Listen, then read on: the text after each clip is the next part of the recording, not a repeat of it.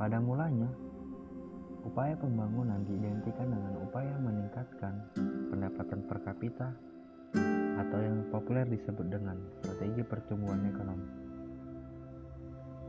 Dengan ditingkatkannya pendapatan per kapita, diharapkan masalah-masalah seperti pengangguran, kemiskinan, dan ketimpangan distribusi pendapatan yang dihadapi dapat terpecahkan.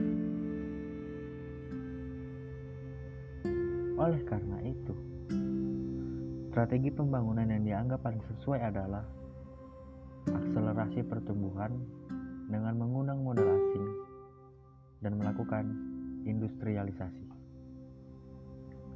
Industrialisasi yang memusatkan perhatian pada sektor-sektor modern dan pada modal tampaknya tidak dapat dipisahkan dari pengalaman Inggris sebagai negara industri pertama. Strategi kapasitas negara merupakan reaksi terhadap paradigma modernisasi. Dimensi tujuan pembangunan menjelaskan bagaimana urutan, tahapan, evolusi pengukuran ekonomi pembangunan dari awal kemunculan teori ekonomi pembangunan yang mengukur terjadinya pembangunan dilihat dari tingkat output melalui produk domestik brut atau disebut dengan PDB.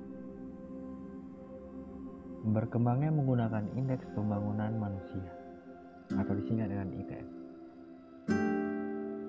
Teori pertumbuhan makroekonomi.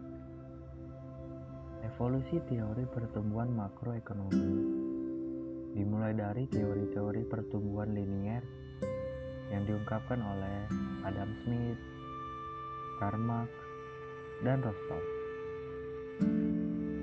Teori pertumbuhan makroekonomi pada masa itu melihat pertumbuhan ekonomi terbatas karena ada sifat kelangkaan pada sumber daya alam dan kemiskinan para pekerja. Ekonomi klasik lainnya, David Ricardo memperkenalkan konsep diminishing return dan marginal product yang kemudian akan digunakan pada teori-teori pertumbuhan makroekonomi selanjutnya. Ricardo berpendapat bahwa ketika sebuah negara menjadi makmur, laba akan menjadi nol upah akan turun hingga hanya cukup untuk sekadar penghidupan.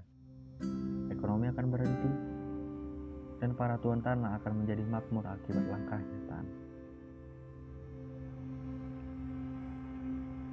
Dari akumulasi modal hingga modal manusia. Sekitar tahun 1960, ketika data makro yang dapat diperbandingkan secara internasional telah tersedia,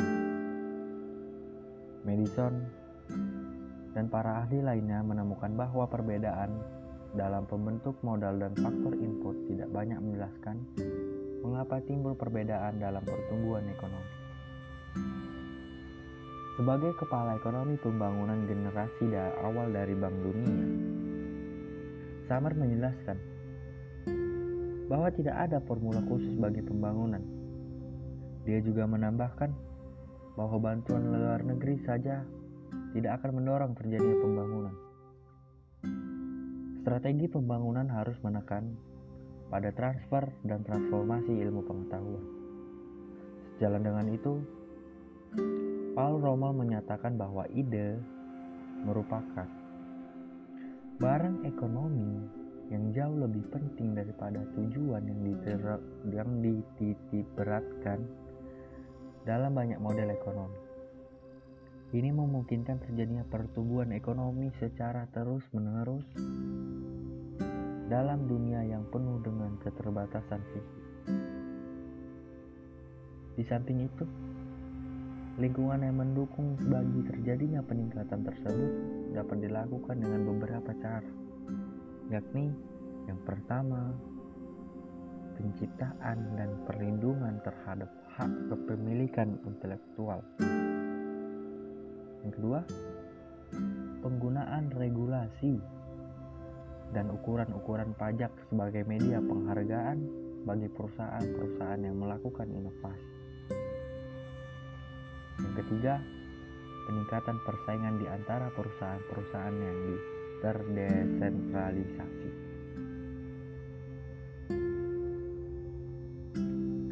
Selanjutnya kita masuk ke paradigma pembangunan Islam. Sejarah ekonomi Islam mencatat ilmu ekonomi sebenarnya merupakan ilmu yang relatif baru dibandingkan ilmu matematika, kedokteran, kimia, fisika, astronomi. Namun tidak banyak yang tahu bahwa pemikir Islam telah banyak menyumbangkan pemikiran terhadap ilmu ekonomi. Justru ketika Eropa berada dalam abad kegelapan. Dalam sistem ekonomi kapitalis, ekonomi adalah studi mengenai manusia, terutama manusia sebagai homo economicus,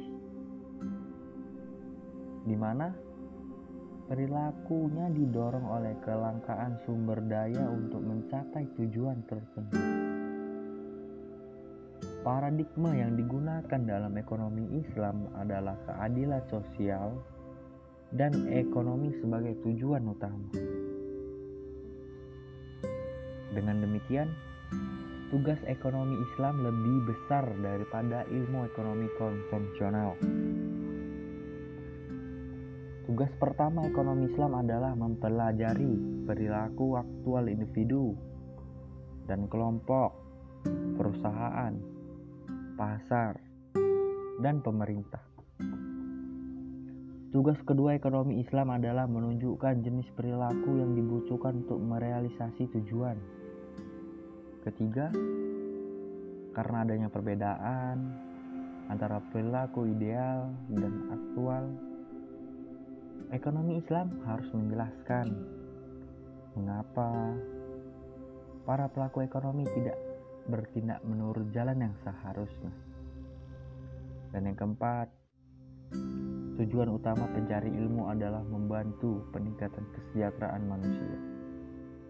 Ekonomi Islam harus mengajukan cara bagaimana yang dapat membawa perilaku semua pemain di pasar yang mempengaruhi alokasi dan distribusi sumber daya sedekat mungkin dengan tingkat yang ideal. Kita masuk kepada pembangunan dalam perspektif Islam. Dalam perspektif Islam, pembangunan dilaksanakan berdasarkan lima fondasi. Fondasi filosofi. Yaitu yang pertama tauhid uluhiyah. Yang kedua tauhid rububiyah. Yang ketiga khilafah. Yang keempat Takia Anna dan yang terakhir Al-Falah kelima pondasi filosofi tersebut merupakan prinsip-prinsip yang telah melekat dalam Islam dan berasal dari dua sumber utama yakni Al-Quran dan Sunnah.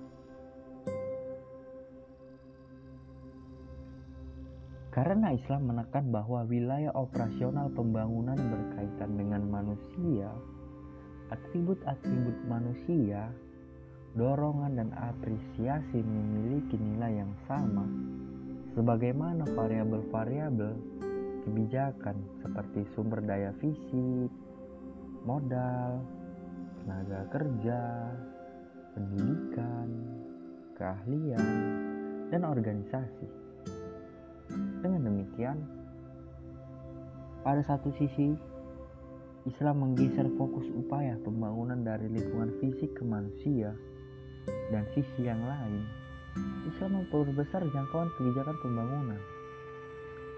Tujuan pembangunan dalam perspektif Islam adalah tercapainya kesuksesan di akhirat. Ada lima tahapan untuk yang harus dilakukan agar tujuan akhir proses pembangunan yaitu tercapainya sukses akhirat terpenuhi. Kelima tahapan tersebut adalah Pertama, tahapan persiapan kualitatif. Apa itu tahap persiapan kualitatif? Tahapan persiapan kualitatif adalah aspek kualitatif bersumber dari manusia. Dalam Al-Quran, manusia diumpamakan sebagai sebuah pohon, akar, batang, dan buah merupakan bahasa amsal untuk akidah, syariah, dan muamalat. Dengan akidah yang baik, manusia akan mampu melaksanakan syariat yang baik, yang akhirnya tercemin pada muamalat. Dan tahapan kedua adalah peran dan kedudukan manusia sebagai sebuah sistem. Pada tahapan ini, Status manusia tidak hanya dipandang sebagai individu, tetapi statusnya sebagai bagian dari masyarakat sebagai suatu sistem dalam kehidupan sehari-hari. Tahapan ketiga, yakni terciptanya keuntungan kualitatif dan kuantitatif. Beberapa bentuk keuntungan tersebut adalah keluarga alam, keuntungan teknologi, keuntungan sosial ekonomi, kepuasan spiritual dan moral,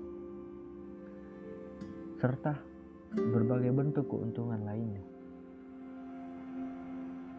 Tahapan keempat yakni utilisasi. Utilisasi hasil-hasil pembangunan bagi proses pembangunan berikutnya. Penekanan Islam pada manusia ditunjukkan juga untuk terjadinya keharmonisan atas hati-hati.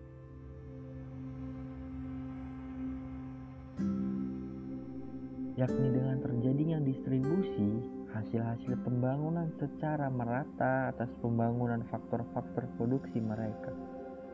Di samping adanya penekanan pada terjadi distribusi, hasil-hasil pembangunan pada masa sekarang, Islam juga menekan pada upaya keberlangsungan proses pembangunan pada generasi berikutnya.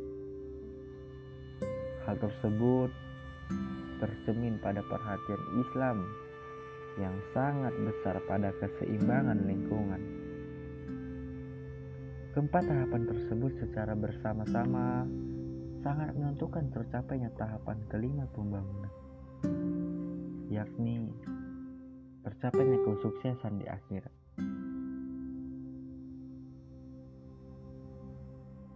Saya Yuda dengan NPM 19500 Terima kasih.